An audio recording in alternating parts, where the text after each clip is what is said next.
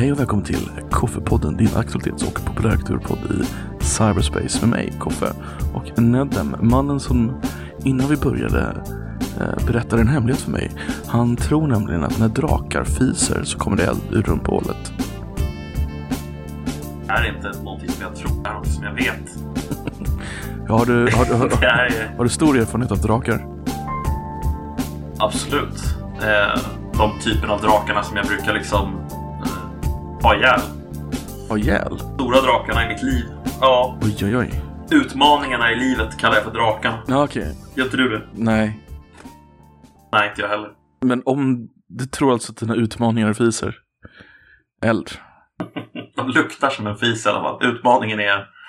Ja, jag vet inte. Nu, nu, nu, nu försöker jag liksom spinna det här på något sätt, men det går inget bra. Märker du det? Det är så här, jag, gör, jag gör mitt bästa med det, med liksom materialet jag har fått, men det är... Nej, tyvärr alltså. Det här, jag, jag har inget mer att säga där. Jag har inget mer att säga om pruttande Nej. elddrakar. Kvinnliga, Men, eh, kvinnliga drakar? ja. Ehm, jag tror inte vi har ett ord för det här på svenska, eller vi har säkert ett ord för det på svenska som inte jag vet om. Men queefs, du vet vad det är? Mm. Ja. Är de också eld? Mu, mus, muspruttar. Ja. Dra, kvinnliga drakars muspruttar, är de också eld? Alltså varför det? Ah, det är äckligt, eller? Det är lite... Nej, alltså om det, om det är eld så är det väl ganska sanitärt. Mm, jo, förvisso. Det steriliserar ju. Förvisso. B- Ja, både, jo. båda instrumenten, så att säga. Jag menar, Nej, fy fan alltså. ehm, ja. Men annars angående drakar, Draknästet är väl det närmaste vi kommer någonting drakar i vardagen så att säga. The Dragons Den, alltså programmet. ja. Vad heter det Draknästet på svenska? De har, de har, de har ju börjat med en... Uh, jo, det är. De har ju börjat med en ny säsong av Draknästet i Sverige. Okej. Kanske inte du visste. Nej, jag har ingen aning. Jag vet inte ens vem är det som är med i Draknästet i Sverige. Har vi några entreprenörer som är av den digniteten att de gör sig bra i ett program liksom? Ehm, vi har Lena Apfler.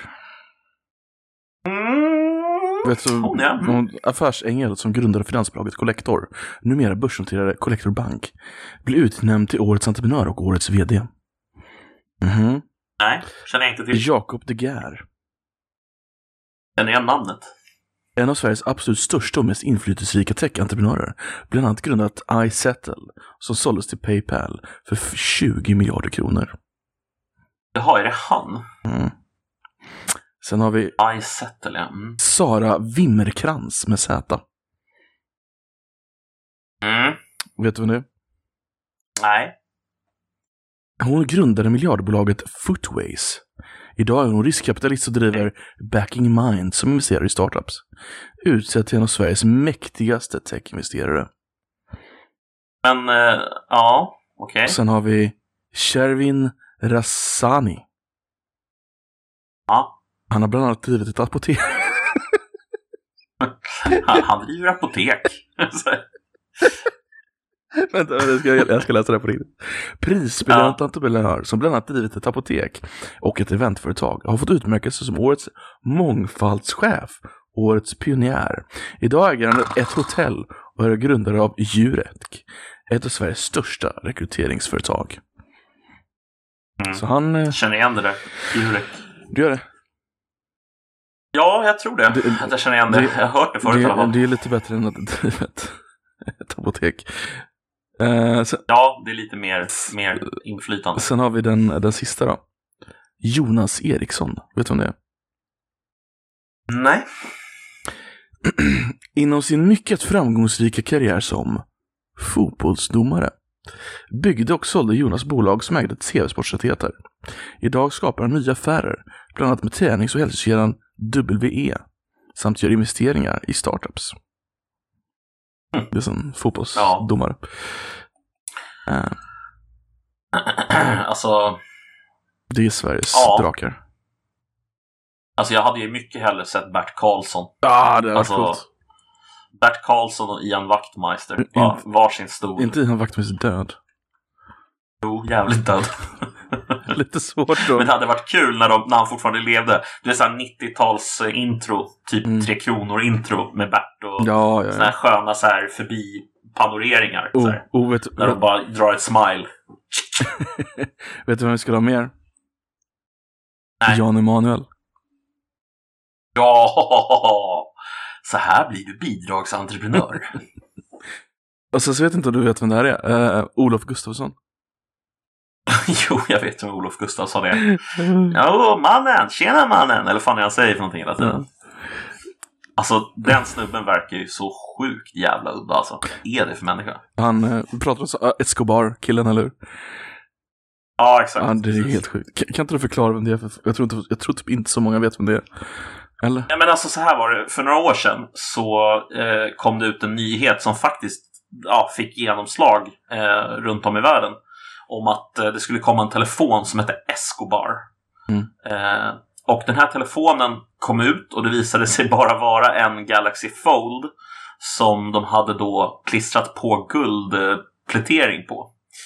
Eh, det var alltså en faktisk Galaxy Fold. Det var inte en, en kopia av en Galaxy Fold utan det var en Galaxy Fold. Mm. Eh, och den här hade de då klistrat på eh, Escobar-loggan på och eh, ja, plastat in i någon slags guldfärg då och tog ut hutlösa pengar för den.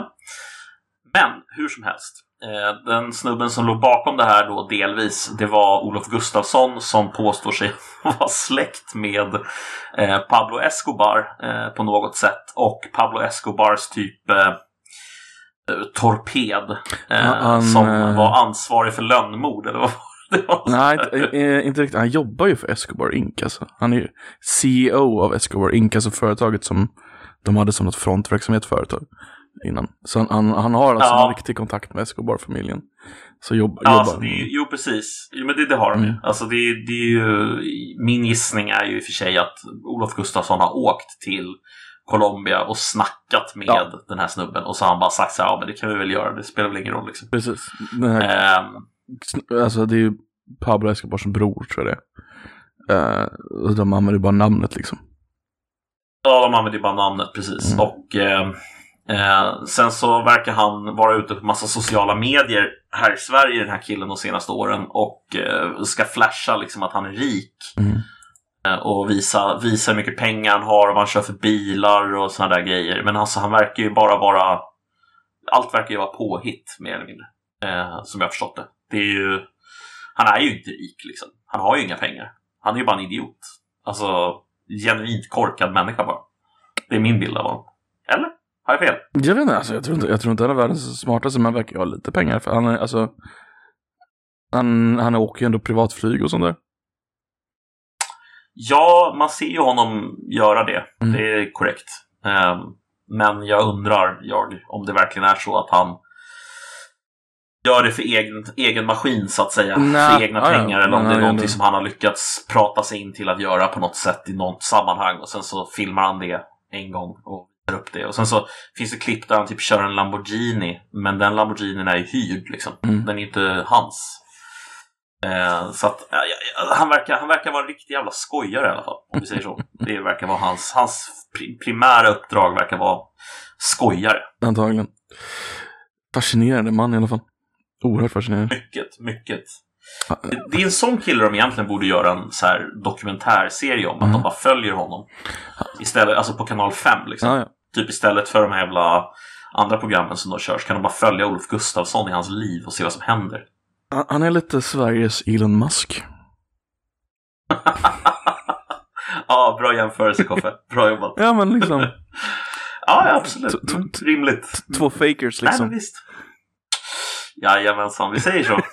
jag, tänker inte, jag tänker inte ta betet alltså, jag är ledsen. Not taking that bait. Kom igen! Nej, jag orkar fan inte. Uh, ja, Not worth it. men, eh, Nej, jag vet, jag vet inte. Vem, vem närmaste jämförelsen skulle väl vara att typ jämföra honom med eh, eh, random telefonförsäljare på vad vad Kommer du ihåg den här, det här YouTube-klippet med de här killarna som gick i konken sen? Eh, telefonförsäljare. Ja, ja, mm. Jag kommer inte ihåg vad de Det var hette, typ men... massa unga grabbar bara Jag är senior vice deluxe management extreme. bara på det här. Eller de, de så här, alla hade så jättecoola titlar men de var typ fem pers och en tjej. Ja, ja. Det är så jävla dåligt. Alltså det är så patetiskt. Men de tycker att de är skitcoola ju. Ja. Area manager for sales in the region of Sweden's uh, southern uh, parts of Stockholm. Oh yeah. Wow. Så vad du säger är att du har ansvaret för att se om ni kan få några kunder söder om Stockholm. Okej, bra. Mm. Snyggt. Precis. um, vad heter den låten? Uh, Barn av vår tid, har du hört den med Hovet? Eh, jag tror inte det. Videon av den gör ju narr av dem, den, den, den andra videon. Jaha. Li- Nej, det visste jag li- inte. lite i alla fall. I början. Det är bara, av vår tid handlar om typ att det är skit att leva, typ nu. ja men typ att alla knackar sönder sig och ingenting går bra och alla, ja men typ att alla är bara barn av vår tid, men det är så inte vårt fel att vi Ja. gör som vi gör liksom. Så har de, en av dem i början bara, ah, jag är en av de bästa sales people callers i här på Optiline Call Direct, typ så här. Ja, de, de gör det lite bättre, men det är ganska kul. Men alltså jag, jag måste ju säga det, alltså säljbranschen är ju fylld av människor som har alltså någon slags personlighetsstörning. Och det säger jag som någon som har jobbat i Mm. säljbranschen lite. Eh, det finns verkligen människor där som är jätteduktiga också. Det ska Mm. man inte ta ifrån folk. Det finns fantastiska säljare givetvis som har personlighets eh, kvaliteter som är liksom ja, fantastiska. Men alltså det finns så jävla många rötägg och korkade jävla spån. Alltså det är, det är helt sjukt. Alltså det är... Mm. Ja, Man men, får verkligen se både och, så att säga. men du, du har inte jobbat som, alltså, Inte som telefonsäljare, nej, Nej. det har jag inte gjort. men, jag, Ja. men jämför det med ändå med, alltså, alltså business to business säljare som jag antar att de här försökte vara. Jämför det ändå med, att är det typ samma typ av personlighetsstörning av de som typ står på golvet på media? Nej, men alltså de, de, de som du såg där, jag tror inte att de var business to business egentligen, utan de var, som jag förstod det, ut mot konsument. Okej. Alltså sälja mobilabonnemang och sånt där. Mm. Eh, och den typen av försäljning är ju väldigt korta processer. Det är ju den stora skillnaden mot, mot sälj mot företag. Det är ju nästan alltid långa processer. Du ringer ju inte liksom upp till, eh, ja, inte ens ett femmannaföretag och bara så här, hörru tja, ska inte ni byta till det här nu imorgon? det funkar inte så liksom. Nej, det är sant. Det är bara, sant. va? Nej, så tänker vi inte göra. Ehm, Men det måste ju vara någon, alltså om man bara, så, vad heter det? Cold callar någon för att sälja någonting liksom. Det är klart det måste, det Ja. måste ju ha en viss personlighetsstörning för att göra det liksom. Det, bara, det stör ju ändå en människa bara ja men nu stör jag dig för att jag ska utvinna pengar av dig och du ska köpa den här produkten du inte vill ha liksom. Det är ändå något fel på en. jag blev uppringd, eh, jag vet inte hur du gör, men eh, alltså, jag kan berätta hur jag gör när folk ringer upp mig sådär. Jag försöker Jag blev sälja. nämligen uppringd av Ja, jag blev uppringd av tre idag nämligen. Ah, nice. eh, ville ringa mig och liksom sälja. Och då visste jag inte att det var de först jag väntade på ett potentiellt viktigt samtal så jag kände att jag var tvungen att svara Ja. när det ringde från ett nummer jag inte kunde. Liksom. Ja, hejsan hejsan. Då hör man ju direkt så här, men det här är en säljare. Mm. De har Hej hej! Eh, ja visst, de har ett jävla tugg. Tjena tjena, ringer från tre. Tänkte bara snacka, bara inte intresserad. Klick. jag, alltså, jag, jag, jag har liksom tappat, jag vet ju hur de är och jag vet att de blir ju liksom inte, de bara går på nästa samtal. Liksom. Mm. Alltså, det är inga, de har inga känslor. alltså det är liksom, Säljare ja, men jag skojar inte. De är, de är helt jävla hjärndöda när det kommer till allt sånt där. Alltså, de, vill bara, de vill bara ta sitt sälj. Liksom. Det är...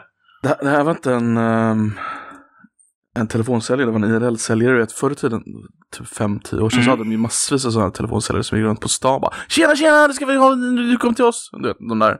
Just det. Mm. Ja, Så då, det har man inte sett på länge. nej, det var skitlänge sedan man såg dem. Men då tog jag en fotokurs på, på högskolan där.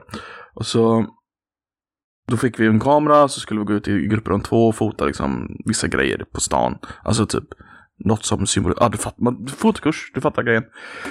Mm. Och då kom det fram en sån här säljare för jag stod, och, stod still ett tag och bara ah, tjena."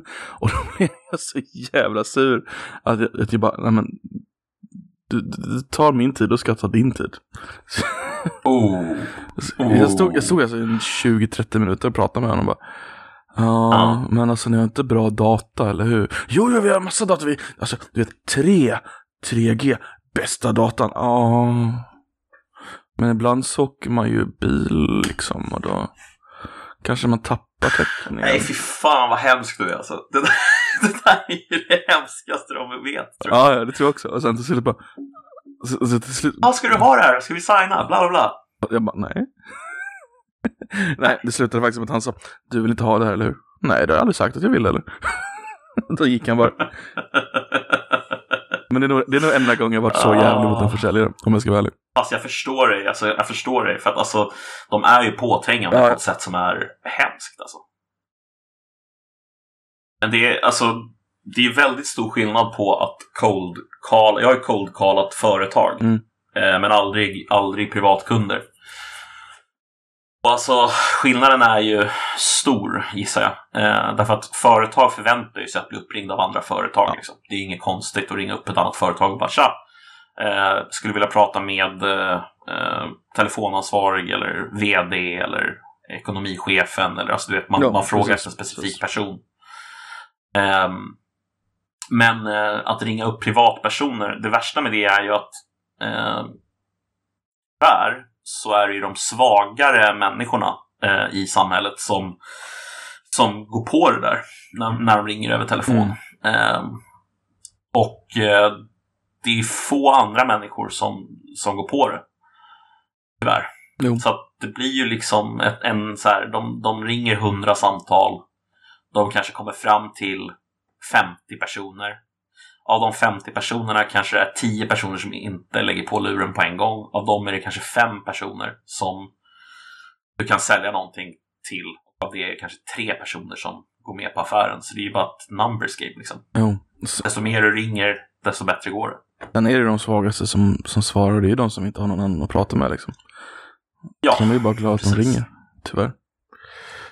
ja, jag tror att det är mycket sånt involverat i det också faktiskt.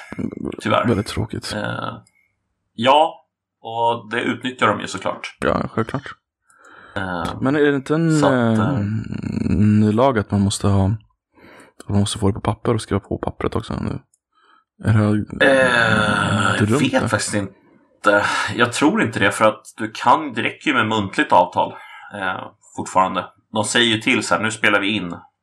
Och så läser de upp avtalet och sen får du liksom mu- muntligt godkänna det och det, Mhm. det gäller ju.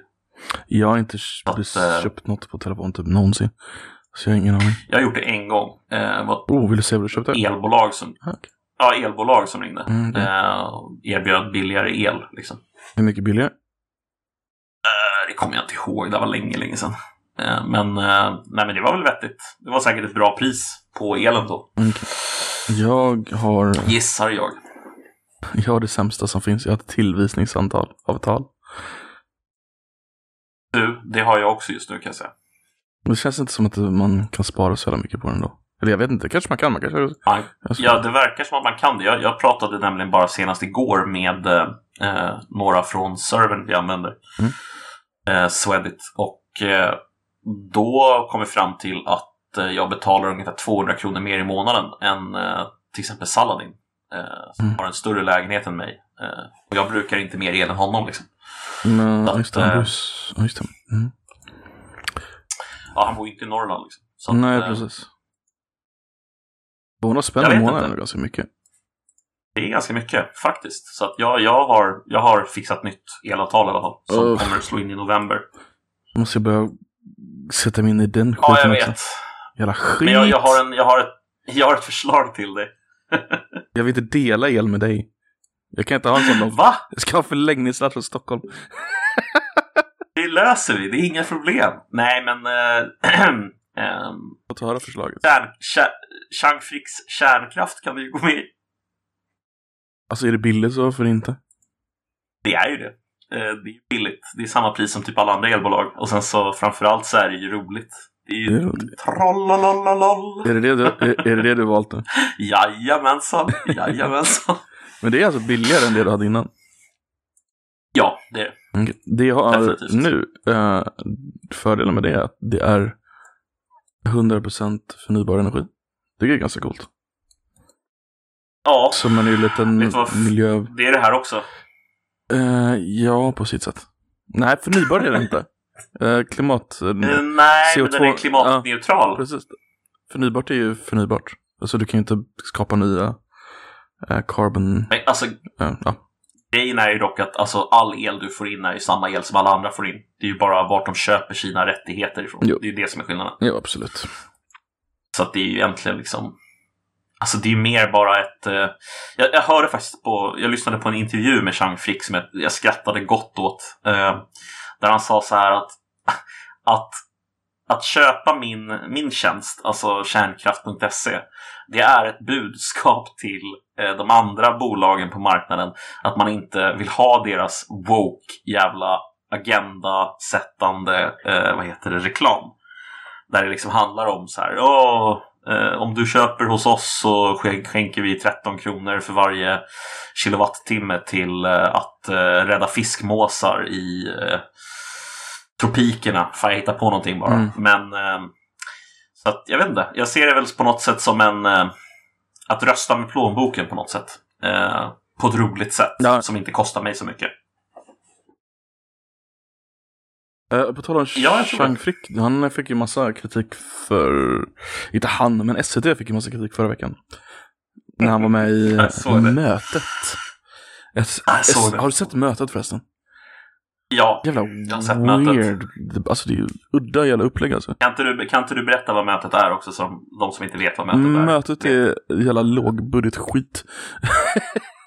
Nej men det, det, det är SVTs jävla debattprogram där två människor möts och diskuterar varandra med varandra. Så det är ingen programledare som styr utan de styr varandra bara. Så kommer, vad som kommer upp kommer upp liksom. Mm, exakt. Och det här är det, två personer då som möts som är på olika sidor av eh, diskussionen om hur media ska bete sig. Man kunna säga. ja den titeln var ha- Hat, hot och nättroll. Då var det Chang Frick och Frida Boysen för de som vet vem det är. Ja. Och Frida Boysen hon eh, är en av de här moraliskt uppburna eh, journalisterna som vet och tycker, eller som vet och kan bäst. Hur man är en moraliskt korrekt människa online, skulle man kunna säga. Hon var ju eh, Bra beskrivning va? av Frida Boysen. Ja, ja, men jag tyckte inte det var så här weird, så jag reagerade inte ens på den. Eh, men jag vet, Nej, alltså, förstår. jag, jag, jag, jag var ju lite, det var Ja. lite hyperbol där för, på skämt. Jag förstår, men jag förstår. men eh, hon är ju väldigt, väldigt, väldigt säker på att hon har någon slags eh, moraliskt... Eh, eh, ja, Mm. hon, hon gör rätt rent moraliskt tycker hon. Hon givetvis. var ju chefredaktör för GT förut. Inte GP, utan GT. Eh, Mm. Och sen, hon var ju även programledare för Trolljägarna med Robert Aschberg. Precis. Vilket, då, då, Ett riktigt jävla skitprogram alltså. då är man ju ganska säker på att man har rätt om man liksom utser sina politiska motståndare till troll och går hem till dem med en, ett järnrör. Nej, vad var det? Inte ett järnrör. En, en, en påke. Vad var det han hade? Vadå, hade, hade. Aschberg det? Basebollträ brukar han ha med sig. På riktigt? Eh, inte, inte alltid, men han hade, det, var ju det, det var en del av reklamen för programmet att han gick fem till folk med basebollträ. Alltså, grejen är den med... Alltså, där tycker jag verkligen att Chang Frick har helt rätt. Att alltså... Och jag vet inte, han tog väl inte upp specifikt det här heller. Men alltså, det är ju inte troll. De, alltså, de Mm. kallar programmet för trolljägare. Troll söker en reaktion specifikt för att de vill ha en reaktion. Mm. Eh, skulle jag vilja påstå. Medan de här människorna är ju inte troll. De är ju alltså... Många av dem är precis som Chang Frick beskrev. Alltså, det är utslagna människor som kanske helt enkelt inte har någon slags röst i samhället överhuvudtaget ofta. Och som ja, gula Blend, röka under fläkten, eh, kanske saknar liksom, gymnasieutbildning. Alltså det, det, det, det, det är inte nödvändigtvis liksom eh, det är inte Wallenberg som sitter och, twittrar eller facebookar om Mm. att liksom, alla invandrare ska brinna. Liksom. Det är inte... Alltså troll är ju människor Åh. som inte nödvändigtvis har det bra, men de har det inte dåligt heller, utan det, det är bara människor. Men de primärt är ute på nätet för att ha kul. Liksom.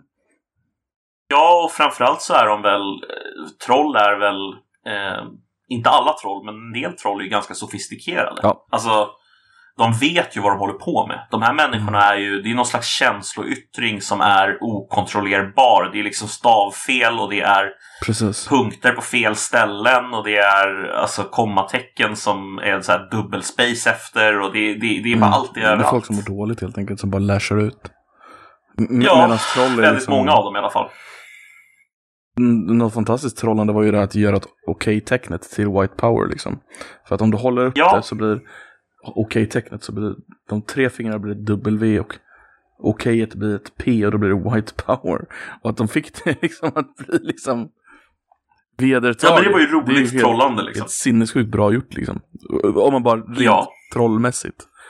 Om bara vill ha en reaktion ur folk och skiter i liksom vad man faktiskt har för. Alltså, Men, men tror inte du på någon nivå att eh, det är medvetet också? Alltså det vill säga när man lyssnar på till exempel, eh, alltså som då när de var med i det här debattprogrammet, eller debattprogrammet är det inte, men mötet. Mm.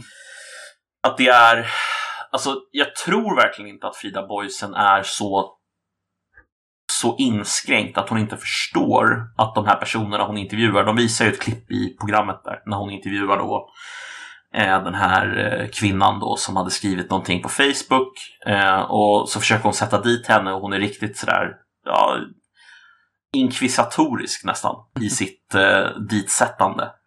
Och eh, det blir ju på något sätt Alltså hon, hon pratar om att sparka neråt, eller sparka, att man, det är okej att sparka uppåt liksom, men inte sparka neråt. Men det måste ju vara uppenbart för henne själv, för så dum är hon inte. Det är uppenbart att hon sparkar neråt. Liksom. ja, Det, alltså det, det borde vara uppenbart för henne själv. Eh, och jag tror att hon fattar det. det tror jag också.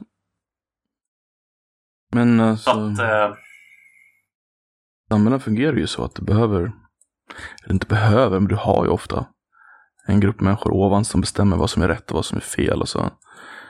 Alla, alla under där försöker leva under den typen av mor- sensmoral som de ovanför ifrån har predikat ut liksom. Och då, då blir det så. Mm. Det, alltså, så fungerar ju alla samhällen. Att de, åh, absolut. då, då blir det så. Förr hade vi religion och Ja. då hade vi i alla fall en bok vi kunde hålla oss till. Nu har vi någon slags... Nej men seriöst, alltså, det, det är ju någon slags utbyte där. Alltså, vi hade en bok vi kunde hålla oss till och Ja. då, var- då visste vi vad som var rätt och fel. Nu är det mer någon slags... Okej, vi vet att du inte får säga det här saken. Då så har de har sagt. Du får säga det rent lagligt sett, men du får inte säga det eh, i den här oskrivna lagen liksom. Det var ju alltid någons tolkning av den boken specifikt som man skulle förhålla sig till. Jo. Skulle jag vilja påstå. Jo, det kan man väl- Det var ju alltid någon, någon slags eh, ny tolkning liksom. Eh, apropå det så har det varit kyrkoval här i veckan. Eller igår faktiskt. Åh, åh, Ehm. gjorde du den medvetet? Eh, nej, det gjorde jag inte. Nytolkning, alltså att, att, att du, du, du vill härstamma till uh, grundkyrkan så att uh, Svenska kyrkan är någon slags så här ny av uh, heresy här liksom. nej, nej, nej, nej, nej, nej, nej. Det där var, din, det där var din, din mentala koppling som du gjorde där. Ja, det, Det ja, det är det. Absolut. Jag gjorde det direkt också när du sa det. Bara. Eh, men, Ehm, nej, men vad jag ville säga var att eh, Svenska kyrkan hade eh, kyrkoval igår. vilket jag för övrigt tycker är lite udda. Men det har jag påpekat förut. Eh, får jag fråga en sak? Röstade du? Jag är inte medlem i Svenska kyrkan. Nej, du är inte medlem i Svenska kyrkan. Rösta, är du medlem i Svenska kyrkan? Förståeligt. Nej, nej, nej. Så här, jag tycker inte att om man inte är liksom är typ en aktiv medlem av Svenska kyrkan så ska, alltså du går ja, nästan typ minst en gång i månaden i alla fall, kanske man kan sätta som en rimlig gräns. Egentligen ska du gå varje vecka. Men en gång i månaden då är du ändå en medlem, men du är en ganska dålig medlem. Nej men så, alltså, de ska, du ska ju gå varje vecka om du är en kristen person till kyrkan. Ja, alltså. Alltså det måste ju finnas, Ja, alltså, visst. det, alltså, men folk som är liksom helt sekulära, bara, jag röstar i kyrkovalet bara så inte uh, partierna inte jag gillar, nu, nu, nu är oftast folk röstar emot eller för SD då liksom. "Ja, Jag röstar på SD Ja. liksom för de är bra mot invandring. Eller jag röstar Ja, mot i, SD. I kyrkovalet. Så bara, men okej, men du, du skiter ju i kyrkan egentligen. Liksom. Då ska du kanske inte, Mm. kanske inte du ska rösta i kyrkovalet om du skiter, om du säger det här är ditt enda anledning att rösta liksom. Nej, jag håller med. Sen så tycker Jag håller med till så- 100 ja. procent. Bra. Trevligt. det är nog första kyrkofrågan vi håller med varandra om. Ja, men jag har svårt att se, alltså, jag, det, det, är väldigt svårt för mig att se varför man överhuvudtaget, alltså så här. Nummer ett är att jag tycker att det är konstigt att man överhuvudtaget eh, blandar in politiska partier mm. eh, i, i, den meningen då i, i kyrkans eh, interna styrning. Eh, personligen tycker jag det är konstigt. Jag tycker att kyrkan hade kunnat styrt det där själv inom sig och man hade inte behövt göra det på det här sättet. Mm. Eh, den skulle kunna styra sig likt andra kyrkor i världen styrs. Typ katolska kyrkan som har det där totalt internt. Liksom. Det är egna mm. Ja, det, det, det, funkar på ett helt annat sätt. Eh, och jag, jag, har svårt att se också varför folk går och röstar i kyrkan eh, som absolut inte är intresserade av kyrkans styrning egentligen. Mm. Alltså det vill säga de, de gör det bara för att de tycker att de ja, har den rättigheten och då ska man utöva den rättigheten. Det är deras plikt att rösta. Liksom. Ja visst, så kan man ju absolut se det som att det är liksom ens plikt att rösta. Men om det är i en organisation som man absolut inte normalt sett liksom befinner sig i eller ens mm. tycker har någonting vettigt att komma med. Då bör man istället gå ur den organisationen än att rösta tycker jag. Jag tror eh, Faktiskt. Faktiskt. Nej men det men, på, grund, på, grund av att Sverige hade en statskyrka så är det ju miljoner och åter miljoner människor som är intvingade, alltså sen föds i den här kyrkan. Mm. Och det är ju, måste då ha gjort ett aktivt val för att gå ur den. Så det är många människor som bara, oj mm. jag är medlem i kyrkan, då går jag och röstar nu när jag fick en, en lapp, vad kul. Ja. Just det där, det är min medborgerliga plikt. Nej, men det är inte riktigt din medborgerliga plikt att rösta i kyrkovalet. Nej, jag tycker nog inte det heller. Alltså det, det, det är svårt att se eh, kyrkovalet som en medborgerlig plikt med tanke på att det är en, i mångt och mycket i alla fall, intresseorganisation som jobbar med eh, alltså det den intresseorganisationen tycker är intressant. Liksom. Ja, hjälpa de fattiga, men också typ eh, eh ja, massa progressiva frågor som kyrkan har drivit nu de senaste 30-40 åren kanske. Eh, mm. Jag vet inte om du såg den där, den där prästen som sa att han skulle sluta viga heterosexuella. Oh, jag såg det, det var jättetöntigt. alltså jag kan ju känna lite så här, alltså ja, men gör det då. Nej men det, okay. det är ju en, det är en debatt. Alltså vem bryr sig? Det är en debatt inom, alltså, alltså jag vet precis vad det handlar om. Han, han menar ju på att det finns en samvetsklausul mm. som gör att präster kan undvika att viga homosexuella ja, och därför tills den är borta. Men jag kan väl tycka så här, ja men det är väl fine om du inte vill viga heterosexuella. Det, kör på. Och det måste ju för fan vara fine om, de, om det finns präster som inte vill viga homosexuella. Det måste också vara fine. Låt det vara båda vara okej. Ja men vig inte heterosexuella då. Precis, det är ju ganska få kyrkor i världen som faktiskt vigar homosexuella. Så att det, om det finns människor med en genuin övertygelse om det där så det är inte konstigt att de har letts till kyrkan liksom, egentligen. Ja, jag har lite svårt att se liknelsen. Skulle liknelsen vara till exempel då med eh, abort, eh, de här eh, sjuksköterskorna som inte vill utföra abort då, eller? Är det, alltså, vad skulle vara liknelsen liksom? Jag, jag... Den, den, nu tappar du mig helt där om jag ska vara ärlig. Jo, men så här, alltså, hans, hans, hans argument är ju någonstans att eftersom den här samvetsklausulen existerar mm. som säger att man inte måste, man måste inte viga homosexuella om man inte vill som präst. Yep. Skulle då liknelsen med någonting annat i samhället vara liknelsen med då när abortmotståndarna då inom eh, eh vad heter yrket? Eh, barnmorskor. Inte sjuksköt, barnmorskor när de inte fick behålla sina jobb då. Är det, är, det, är det verkligen en vettig jämförelse? Jag tycker ju inte det. Alltså... Du hänger inte med på vad jag är ute efter riktigt? Uh, faktiskt inte, sorry. Jag kanske är dum i huvudet. Det kanske är en, kon det kanske, nej, det kanske är en konstig jämförelse. Jag, jag försöker någonstans göra jämförelsen att de blev ju av med sina jobb. Mm. Och det tyckte jag var rimligt. Okay. Därför att då, det, var, det var så att säga, tycker jag, en del i deras jobb ingår okay. att utföra aborter. Därför att det är en del av deras jobb. Eh, men det är inte ett primärt, eller så här, deras yrke att vara barnmorska är inte i första hand ett jobb som handlar om eh, liksom ideologi, teologi, mm. moral och den typen av alltså, frågor. Mm. När du har ett jobb som handlar så grundläggande om vad du liksom står i dessa religiösa frågor mm. så måste det ju för fan vara upp till individen själv att tolka eh, sin heliga skrift så som de vill inom rimliga gränser. Det vill säga, om de inte tycker att man ska viga homosexuella så måste ju de få välja att inte göra det. Precis som han får välja att inte viga heterosexuella. Ifall han tycker att det är viktigt för honom. Nu, nu tror jag Typ inte så. de gör det egentligen, men eh, ja, nu, nu förstår jag vad du menar i alla fall. Okej. Kanske var en konstig jämförelse. Det är en ganska stark jämförelse. Det är väl med det. det alltså, Ja, jag... Ja. Jag kan liksom inte se... Jag har svårt att se varför, varför man ska tvinga någon till någonting de inte vill göra om det inte skadar någon annan. Medan när det kommer till barnmorskorna så är det ju faktiskt så att där blir det, tycker jag, på riktigt problematiskt. Ifall någon vill utföra en abort och så kommer, no kommer de till någon sån här kvinna som bara så här Nej, det, nej men det ska du inte göra. det, alltså då hade man ju bara så här, ursäkta vad sa du? Att, vad, vad sa du sa du? skulle väl i och jag ganska enkelt att läsa om du bara har de barnmorskorna på en annan alltså. Om du vet vilka barnmorskor som har- den åsikten så har du dem på en annan del istället för den abortavdelningen. Men ja, Ja, eller så gör man sig av med dem och anställer barnmorskor som lika gärna som kan göra hela, alla delar av jobbet. Liksom. Alltså, ja, ja. jag tycker det är lite som att anställa en lärare eller en typ så här läkare som bara, nej, jag är kirurg men jag utför inte den här typen av kirurgiskt ingrepp. Ja, men du kan ju det och du ska ju göra det, det står ju i din arbetsbeskrivning. Ja, men jag vill inte. nej. Det är inte min grej. Ja, ja. Ja, jag vet inte. Är... Jag tycker det är två olika scenarion i alla fall. Men, eh, Intressant ja. Men eh, om vi återgår till kyrkovalet. Um, ja, AFS har ju kommit in. Alternativ för Sverige. För Sverige. 1,24 eh, 1,24 procent. Ja, det, är- det är grejer det, alltså. Arbetarpartiet Socialdemokraterna 27,6 procent.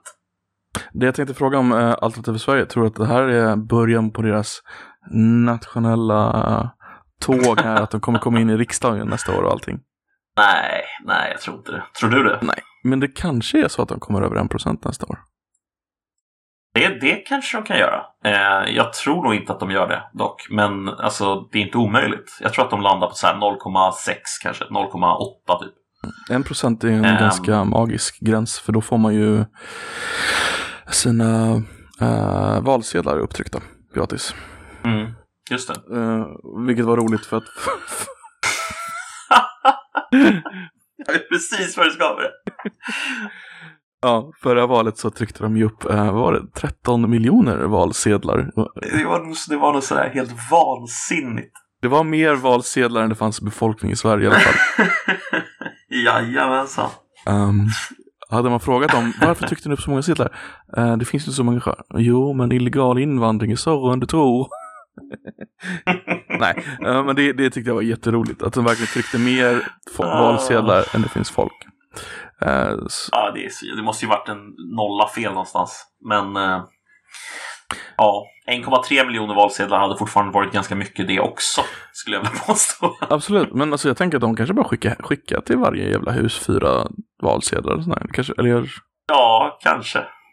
Men liksom, kom igen. Alltså det är ju... Ja. De fick ju... Jag tror Kör. in... Jag tror att jag förtidsröstade förra gången. Dåligt. Jag tror jag gjorde det. Nej, jag tycker det var jävligt skönt faktiskt. Jag tycker det är omoraliskt att förtidsrösta. Varför då? Nej. Ska man rösta? Ja, men vadå? Ska man ut... Det där är så jävla ologiskt så det finns inte alltså. Jag hatar sånt där. Vadå? Vad är det som är fel med förtidsrösta Koffe? För i helvete. tecken på en eh, personlig brist, en lathet, en dekadens och omoraliskt samhällssyn. Nej, Nej, jag tycker Nej. inte det är okej. alltså. Nej. Nej, nej, jag tycker... Nej. Jag håller inte med. nej. Men du har ofta fel Nej, men... eh, Nej, men jag tycker seriöst Ja, jo. man ska gå... ja, Det är bra att du håller med om att du har fel. Ja. Men om du håller med om att du har fel, betyder det också att du har fel i när du håller med om att du har fel? Att det vill säga att du har rätt när du har Absolut. rätt? Det blir ju liksom en paradox Ja, där. precis. Det, det, går liksom för många lagar i det där. Nej, men jag tycker man ska rösta på valdagen, så ska man gå ut och så ska man gå och rösta. Så ska man gå och rösta klockan kvart i tre, så ska man komma hem klockan tre och då ska man ta en ambrosiakaka och en kopp kaffe och så ska man sitta där med sina nära och kära och diskutera vad man röstat på. Gör man något annat så har man fel och får inte rösta. alltså. Ja, Jag är i och för sig för Koffe. väldigt begränsat röstet också. Så att... Mm. Bara män i åldern 35 till 65 som har vad heter adlig bakgrund. ja, inte? Um, ah, kanske för att det vore lite sjukt, men ja. Um, oavsett. Ja, alltså absolut. Vi kan, alltså, ju, höja, kan ju fundera på... Höja valåldern tycker jag är en ganska bra grej att kämpa för i och för sig. Personligen så hade jag faktiskt inte haft något problem med att höja valåldern. Alltså jag tycker de som vill sänka till... den borde ju arkebuseras.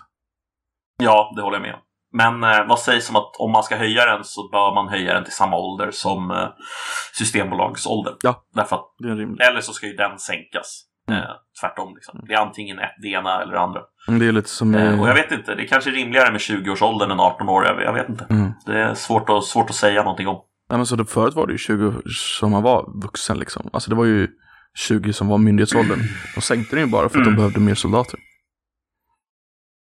Är det så? Från början? Ja, men det här är ganska, alltså genuint, genuellt, generellt i Europa var det så. Och sen tog bara Sverige efter 18-årsåldern för det var den som standard myndighetsgränsen liksom. Men generellt i Europa var det så att det var 2021 någonting som var standard eh, vuxen ålder. Eller så de blev myndig. Och sen så ja, sänkte de det. Um, just för krigen. Jag tror det var första världskriget. Jag kan ju säga att jag tycker ju inte att man ska rösta när man går på gymnasiet egentligen. Alltså det...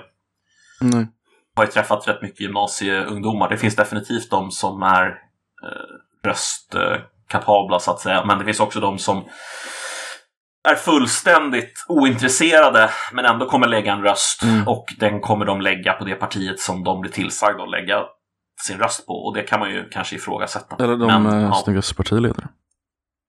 Ja, det kanske. finns ju sånt. Nej men alltså, det där är ju ganska intressant för man säger ju att man är ung att ungdomen varar längre mm. och längre. Liksom, att nu för tiden, liksom, 13-åringar är ju inte riktigt vuxna än längre. Liksom, utan 13-åringar går ut och festar och har det kul. Och liksom, det typ mm. 33 någonting, eller 35. Folk börjar gifta sig och sånt där. I alla fall i storstäderna. Liksom. Att allt, allt det där mm. pushas längre och längre. Liksom, ut och bara, ah, men 40, 50 är det nya 40, allt sånt där. Mm. Samtidigt har du en rörelse som vill att du ska sänka röståldern. Men då, då får du ju en den mentala röstningsåldern har ju sänkts. Oj, nu såg jag till micken där. Den mentala röstningsåldern har ju ändå sänkts då i och med att vi är yngre längre. Så vi, då är ja. vi faktiskt omogna längre. Så då har vi ju alltså, en, en, en 25-årig man på 50-talet var ju faktiskt en man. Alltså. Ja, men det beror ju på kanske om man tror, alltså om man menar att allt är hur vi socialiseras eller om det har någonting att göra med genetik och alltså det är väl det också, den aspekten tänker jag. Mm. Um, men, men alltså jag håller med dig. Alltså jag, jag tycker att det är väldigt, väldigt bisarrt när, när partier, eh, typ som Miljöpartiet, säger mm. saker som att ja, men det vore ju bra ifall 16-åringar fick rösta. Eh, Tror du att de... Det är så här, Nej, sure. Va? Nej, men jag tänker att Alltså egentligen så är det bara eh, rent politiskt mm. intelligent av dem. De vet ju liksom att ja, unga människor, de har en tendens att rösta. De, om man tittar på vad de skulle vilja rösta så är det typ SD eller ja, Vänsterpartiet eller Miljöpartiet ungefär. Det, det är ju så. De är ju extremister liksom. Det är, det är så det är. Tänk om det blir så om typ 20 år. komma ifrån. Det är de tre partierna vi har i riksdagen. V, MP och SD liksom. Jävlar. Nej! Sluta! Det vore ju hemskt. Fy fan vad hemskt det vore. Ja, det vore ganska roligt. Ja, jo, på det där lite sådär, vad man kallar det för. Eh, inte dratta på ändan roligt utan mer så här cynisk nihilism. Ja. På det sättet kul. Hade, hade det varit dansk hade det varit lite dratta på ändan roligt också. För då kan du sitta där och glo liksom. ja. Och då sitter Men en... Eh, det gick bra. Nej, fortsätt. Jag bara tänker, då sitter MP fortfarande och försöker vara i mitten av de två. Bara, ja, vi kan ju utrota lite människor om vi kan ha lite mindre kärnkraft kanske. Ja. Ska vi utrota borgare tänkte... eller invandrare? Oh, vi vet inte. Vi står i mitten. oh, sorry. Nej, men jag tänker på, jag tänker på påsk. På partipolitiskt obundna i Svenska kyrkan. Yes. Det är alltså ett parti som vill avskaffa, eh, mer eller mindre vill avskaffa att man har partier inom Svenska kyrkan. Mm. Som fick nästan 20 procent. Det tycker jag ändå är... Det säger någonting ändå om att folk är rätt trötta på... Och det är väl typ det enda de kampanjer på också, har jag för mig. Ja, typ. Mm. Uh, partipolitik har ingenting att göra i Svenska kyrkan mm. ungefär. Jag tycker de har en ganska bra Och jag slogan. kan bara hålla med. Påsk. Ja, ingen kan tjäna två herrar. Det är ganska smart.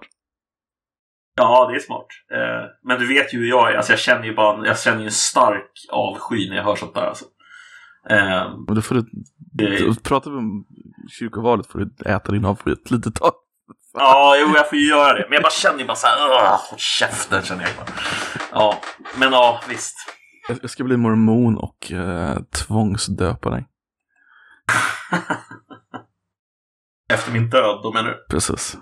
Eller inte. Innan dess får du jobba jävligt hårt om du ska tvångsstöpa mig. Jag kan söva ner dig. ja, jo. Kanske inte något necessary. Men alltså, eh, vi pratade ju om det där någon gång, men alltså jag måste fråga dig bara. Eh, håller du inte med om att det är rimligare att döpa vuxna människor än att döpa barn egentligen? Alltså jag fattar att konfirmationen är en konfirmation Mm. av dopet. Jag, jag kan min Precis, vad det jag satt och tänkte. lära. Eh, Ja, I know. Men alltså alldeles oavsett det. Så liksom varför överhuvudtaget ha ett förfarande som ser ut på det sättet när du lika gärna skulle kunna ha ett förfarande där du väntar tills personen är myndig eller åtminstone gammal nog att välja själv och då döps du om du vill bli döpt. Okej. Varför inte liksom? Jag menar, det var ju så Johannes döparen gjorde. Han, han döpte vuxna människor. Ja, men det fanns inte så många andra. alltså, Nej, men alltså det, det känns bara så jävla konstigt att döpa någon som inte jag tycker dopet är lite fint, om jag säger så. Då. Alltså jag tycker det, det är en välkomnare av det barnet in i den alltså föräldrarnas församling liksom. vedervärdigt alltså. Jag tycker, Nej, men jag tycker verkligen det. Alltså, jag, det är inte ett skämt. Att jag, alltså, jag menar vad jag säger. Jag Vedervärdigt. tycker verkligen det är, ja, det är vedervärdigt. Alltså. Jag tycker verkligen det. Jag har lite, Ja, jag, jag jag, jag, jag hör vad du sjukt. säger. Men jag har lite svårt att ta det seriöst. Jag förstår att du är helt 100% seriös. Nej, men, jag är 100% jag- jag- allvarlig. jag. Jag, jag förstår tycker det det. är sjukt. Alltså. men jag, jag kan inte förstå att du tycker det är sjukt. Jag kan, alltså jag kan intellektualisera mig till den position du har, men jag kan inte, jag kan inte, Mm. jag kan inte Du relatera. kan inte känna Nej, det. precis. Men om jag, om jag försöker förklara känslan då? Alltså, jag tror inte du behöver. Alltså, jag tror inte att... Ja. Alltså, jag var en aggressiv ateist när jag var yngre också. Men jag är inte en aggressiv ateist. Alltså, Lite det är det du får du. fel. Nej, det är det som är felaktigt. Det här, alltså jag har varit så här, alltså jag har varit så här sedan jag var sju, åtta år gammal. Okej. Alltså jag har alltid varit så här. Jag har Mm. alltid känt så här starkt mot kyrkan. Alltså, jag kan inte, jag, kan- eller mot religion överhuvudtaget. Jag kan, inte ens, jag kan inte ens förklara varför. Det är som det bor någon slags... Alltså, jag bara känner, när jag ser organiserade former av religion Mm. så är det som att någonting i mig väcks till liv som bara vill... Alltså jag känner bara starkt, inte hat, det är fel ord. Jag känner, jag Åtrå. känner avsky. Nej, avsky känner jag. Jag känner avsky. Okej. Eh, Jag tycker det är weird alltså. Men Okej. ja, jo, jag, jag fattar Nej, men jag det. tycker men- det, det, det är ju, det är ju pre- pre-multikulti, pre-ateism liksom. Det är ju ett välkomnande av den individen in i det bredare samhället. Typ. Alltså, men alltså hade du pratat om en, eh, en briss så hade jag kunnat förstå din avsky. För det tycker jag är en annan grej. Men ett, ett Mm. dop, det är bara lite vatten på huvudet. Och sen så Jo. väljer du att konfirmera det när du är äldre. Så du har ju fortfarande... Det är föräldrarnas Absolut, välvilja. Det, det här är föräldrarnas välvilja som du får. Och sen så får du välja att acceptera det när du är myndig liksom. Men de gör för jobbet i förväg. Ja, Jag, jag tycker inte det är så jag tycker inte det är orimligt överhuvudtaget om jag ska vara ärlig. Men hade du pratat om en Nej. briss eller något sånt där så hade jag kunnat förstå det. För det är permanent liksom. Mm. Jo, då blir du av med förhuden. Men det, Mm. alltså, det är ju liksom inte... Alltså jag vet inte, jag tycker inte att, alltså jag förstår att den, det ingreppet är ju givetvis mycket större Mm. än att liksom bara få lite vatten på huvudet. Eh, och jag skulle aldrig vilja, alltså jag skulle aldrig vilja ta bort någons religiösa rättigheter. Självklart ska du få döpa ditt barn. Alltså är du med? Okej. Alltså det, Mm, det är det här mm. som är, tror jag, det kanske svåra att hänga med på. Eller Mm. att förstå hur jag tänker där. Jag har ingenting emot att, att eller så här, jag har, jag har alltid emot att folk gör så. Men jag skulle aldrig vilja förhindra dem från att göra det. Mm. Det är det som är skillnaden kanske. Jag, jag tycker det är vedervärdigt beteende. Jag förstår inte hur man resonerar när man gör så. Men samtidigt så vill jag inte stoppa någon från att göra så i enlighet med deras religion. Det måste de ju få göra liksom. Det är ju deras religion. De vill ju göra så. Mm. Det är ju det är deras barn också. Det är inte statens barn. Det är inte mitt barn. Nej. Det är klart att de får göra så med sitt barn om de vill göra det. Det är bara att jag tycker att det är sjukt att göra så. Danmark pratar ju om att förbjuda äh, Briss, till exempel. Och jag vet inte vad den muslimska motsvarigheten heter. Oh, skulle du tycka, jag vet skulle inte vad det muslimska heter heller. Mm. Nej, jag tycker inte man ska förbjuda det. Trots att det, det, är mer, det är ju ändå en permanent förändring av en kropp. Absolut. Det är... Men där tycker jag ändå att också religionen en- har så pass stor samhällsbetydelse eller någonting. Eh, Så att du tycker Jag att det är skulle okej. vilja säga så här. Jag skulle vilja säga så här snarare. Att om vi tar Briss som exempel då. Mm. Så är det alltså eh, den grundläggande eh, överenskommelsen med deras gud är Mm. att de ska göra sig av med förhuden. Yes. Så att om vi tar, om vi tar bort den möjligheten för judar, judar eh, så kommer de inte att kunna existera i Sverige eh, lagligt. Det vill säga att de kommer att fortsätta med Briss, punkt. Det är ingenting som vi kommer kunna stoppa dem från att göra med en lag. Eh, och då försätter vi dem i en situation som gör att de är tvungna att flytta härifrån förr eller senare. Och det, det vore ju sjukare än att eh, låta Briss fortsätta existera på något sätt. Tycker jag. Okej. Eh, för den konsekvensen tror jag det skulle bli ungefär. Mycket möjligt. Eh. Ja, ja, möjligt. Och sen Ja, är ju på något sätt är ju också och sen är ju alltså ingreppet är ju på pojkar och det är ju helt enkelt inte i närheten av att eh, eh, göra samma sak som en eh, eh, på en kvinna liksom. Men det, det är väl förhållandevis relevant. Bara för att det finns värre grejer man kan göra betyder ju inte att det här är okej. Nej, nej, det betyder absolut inte. Det är korrekt. Jag menar inte att det betyder att det här är okej. Men jag menar att det finns ofta de som gör liknelsen och säger så här, Ja. om det ena är okej, varför är det andra okej? Eller om det, om det ena inte är okej, varför är det andra okej? Mm. Och då menar jag så här att gradskillnaden är så stor så att det ena är faktiskt okej och det andra är inte okej. Därför att det ingreppet betyder så mycket. Liksom. Eh, att man ska göra den distinktionen tycker jag, mellan de två sakerna. Fair enough. Jag vet inte, håller du inte med om att de två sakerna är väldigt, väldigt, väldigt olika? Eh, jo, jo, absolut. Jag, jag var lite förvånad. Jag, jag, jag förstår att du drar upp det som någon slags säkerhetsgrej mer. Jag, jag, jag argumenterar aldrig emot det bara. Så att jag, jag, jag, vet inte riktigt vad jag skulle säga om det liksom. Nej, men alltså jag, jag, jag, jag, kan, jag kan inte se ett demokratiskt samhälle som inte respekterar människors rätt till liksom, religiösa grundvärderingar på något sätt. Det, det, det skulle inte riktigt funka. Eh, självklart måste folk få utöva sin religion och om det i det ingår att skära av förhuden på små pojkar, eh, hur sjukt jag än tycker det är, så får de väl göra det då. Det är, På, jag vet um, inte vad jag ska säga mer än så. Liksom. hur, hur, Jag tycker det också du är kunna, förkastligt. hur långt skulle du kunna gå innan du tycker att det inte, alltså, vad den största påverkan en religion skulle kunna, in, alltså, barnoffer antar jag att du är emot. Det tror jag är ganska jättemot. Ja. Ja, precis. Och där skulle du sätta, där skulle du sätta en gräns. Men var, var, liksom, var skulle du dra gränsen där? Alltså jag skulle nog dra gränsen där, där man börjar liksom eh, begränsa någons rättigheter som individ på ett sätt som verkligen inte går att göra någonting emot annat än att bara acceptera det. Som till exempel om du om du eh, skär bort blygdläpparna eller vad man gör på eh, små flickor så kommer de aldrig kunna ha njutbart sex i hela sitt liv. Det finns väl fyra nivåer Alltså, det är någonting som-. Av kvinnlig Ja, omskärelse. det, det kanske det gör, men jag säger bara att det, det skulle påverka liksom hela deras liv. Ja. Att bli av med förhuden är visserligen något som påverkar dig hela ditt liv, för du kommer inte få tillbaka förhuden. Men av vad jag kan se så verkar det inte som att män utan förhud far speciellt illa. Liksom. Eh, De har ett lite torrare ollon typ. Det är typ det som är... Och de, kom, de, kan, de kan hålla lite längre när de har sex ungefär. Sen finns det säkert andra nackdelar, jag vet Mm. inte. Men det verkar inte vara hela världen. Liksom.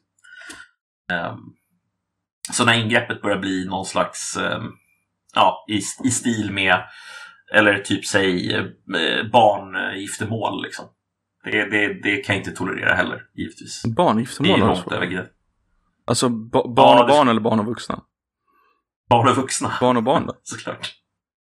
Nej, det är inte heller okej, givetvis. Varför inte? Eh, därför att du är inte myndig. Du får vara myndig först om du ska gifta dig. Ja men de kan skiljas. Alltså de, behöver, de gör ju ingenting. De är bara officiellt gifta. Och sen så kan de skilja sig när de är myndiga. Ja, men alltså jag tycker nog att ska man ingå ett eh, juridiskt partnerskap med en annan person då får man vara myndig först innan man eh, ska sk- kunna göra det. Det är ungefär så långt mitt argument sträcker sig där.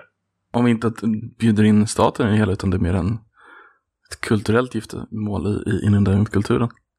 Där alla vet att Ja, de, de är då- ett par, de är gifta, de får inte dejta några andra men de... Men det går ju inte att stoppa oavsett, eller vadå? Mm. Det, jag menar, det kan ju inte jag stoppa. Jag kan ju bara... Så- Men, men jag, kan ju, jag, jag kan ju ha någonting att säga om vad man gör inom för lagens ramar. Okej. Jag tycker inte man ska få gifta sig om man inte är 18 år. Det vill säga myndig. Inte ens med målsmans tillåtelse. Nej, jag tycker inte. Om du vill gifta dig som en 16-åring då? Ja, då får du vänta tills du är 18. Ja, okej. Alltså på riktigt. Ja, det- jag, jag ser liksom ingen anledning till varför man ska eh, tillåta. Alltså jag menar, i 16-årsåldern så lever man i, ja, de flesta 16-åringar i alla fall, tror jag inte riktigt är mogna att ta det beslutet. Jag tror inte en 18-åring är det heller egentligen. Ehm, faktiskt. Men de är mogna att rösta i riksdagsvalet. Tydligen. Tydligen. Uh, Ja, jag vet inte. 20 kanske hade varit bättre som du säger. Mm. Ehm, nej, man, det, är, en slags självreflektion att man kände inte, i så här efterhand var man inte världens smartaste 18-åring direkt. nej, jag tror att det är väldigt få som är sm- smarta när de är 18. På det Carl sättet, Bildt hade nog Det- kunnat rösta när han var 18. Ja, antagligen. Han hade nog kunnat rösta som 12-åring i. Ja, och, och, och Jacob Rees-Mogg. Ja.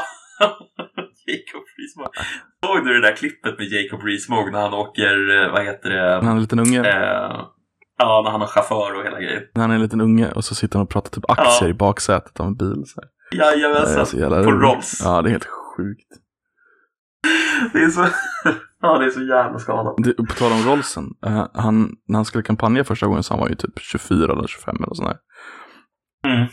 Jag tror att det skulle han, då sa han till sin familj att han tar, han bor ju hemma då, alltså, ja hemma, hemma, du fattar. Ja. Jag tar Rollsen och åker runt och, eh, möter folket i kampanjen, alltså de, går hus till hus, man skulle ta sin Royce.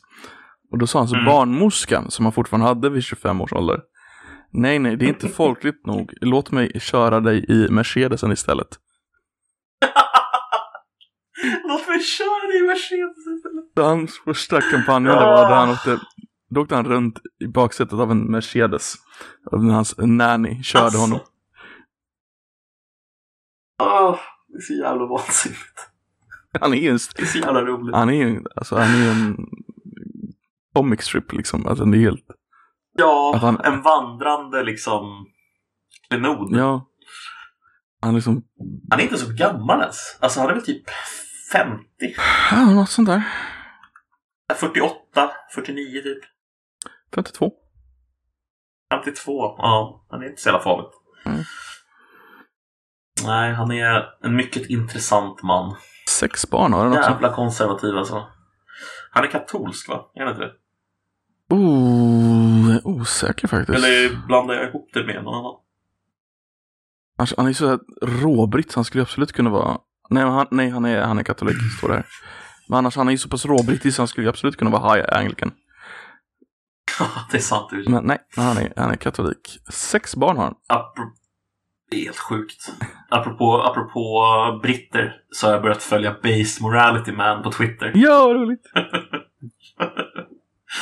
Han är så jävla bitter hela tiden. Det är helt sjukt. Ja, vi, Vilken jävla bitter, bitter twittrare. visst, visst kan man relatera. Ja, definitivt. Men ja, jag ska vara helt ärlig. Ja, kanske inte till allt han säger riktigt.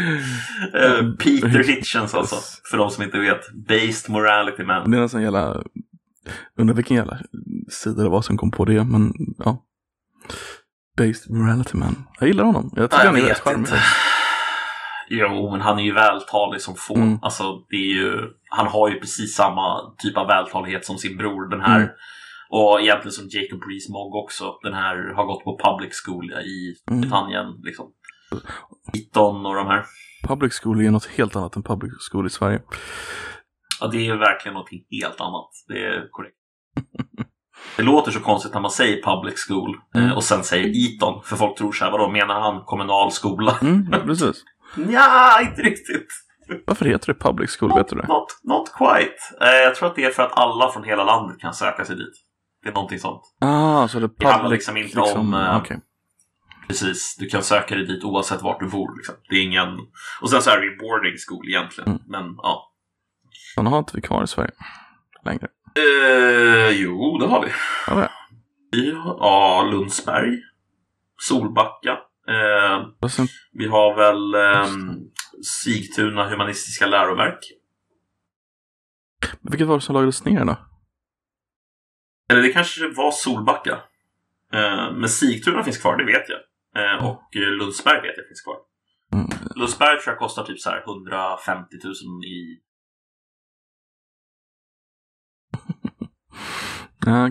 Ja, men, Kallas för, i svensk, svensk juridi, juridisk term är riksinternat.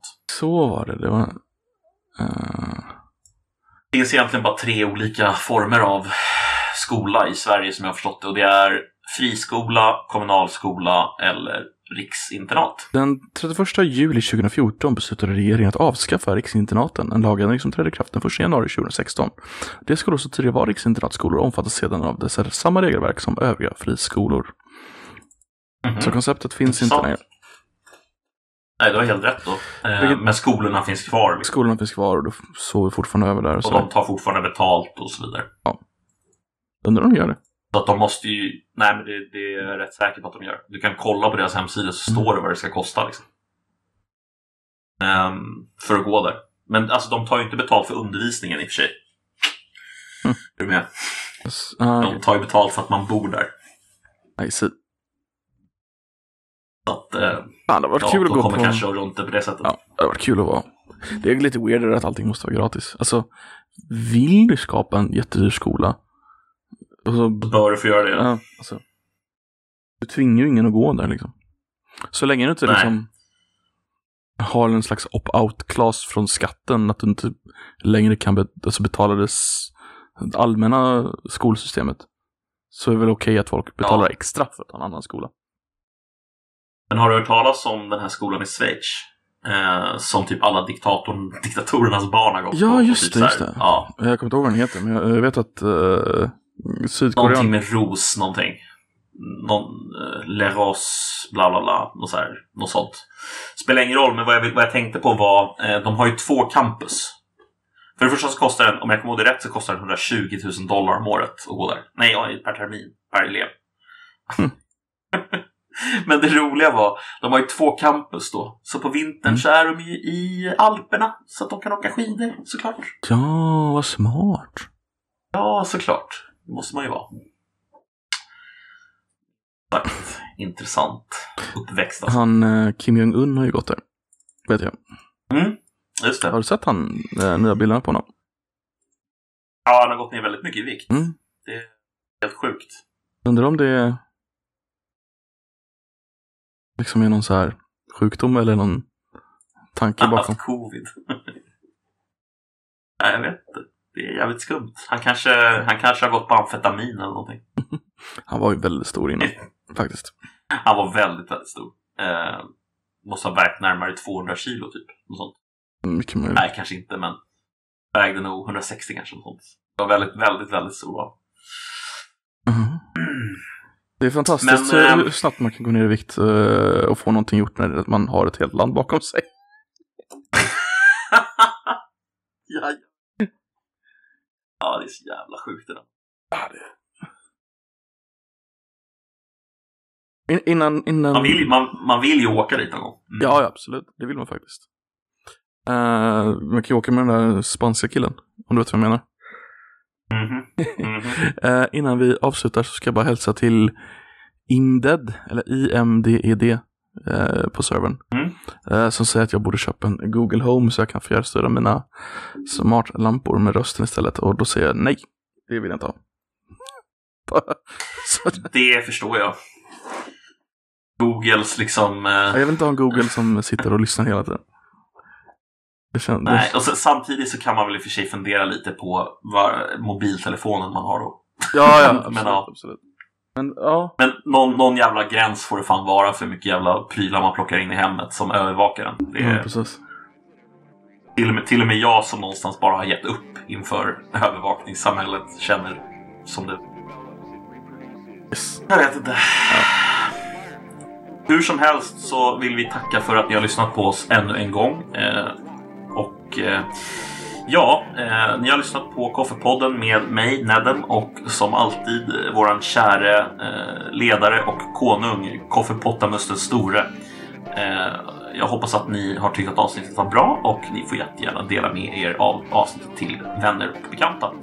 Eh, eller avsnittet i podden. Och eh, ja, det var väl det. Tack och hej! Leverpastej. på steg.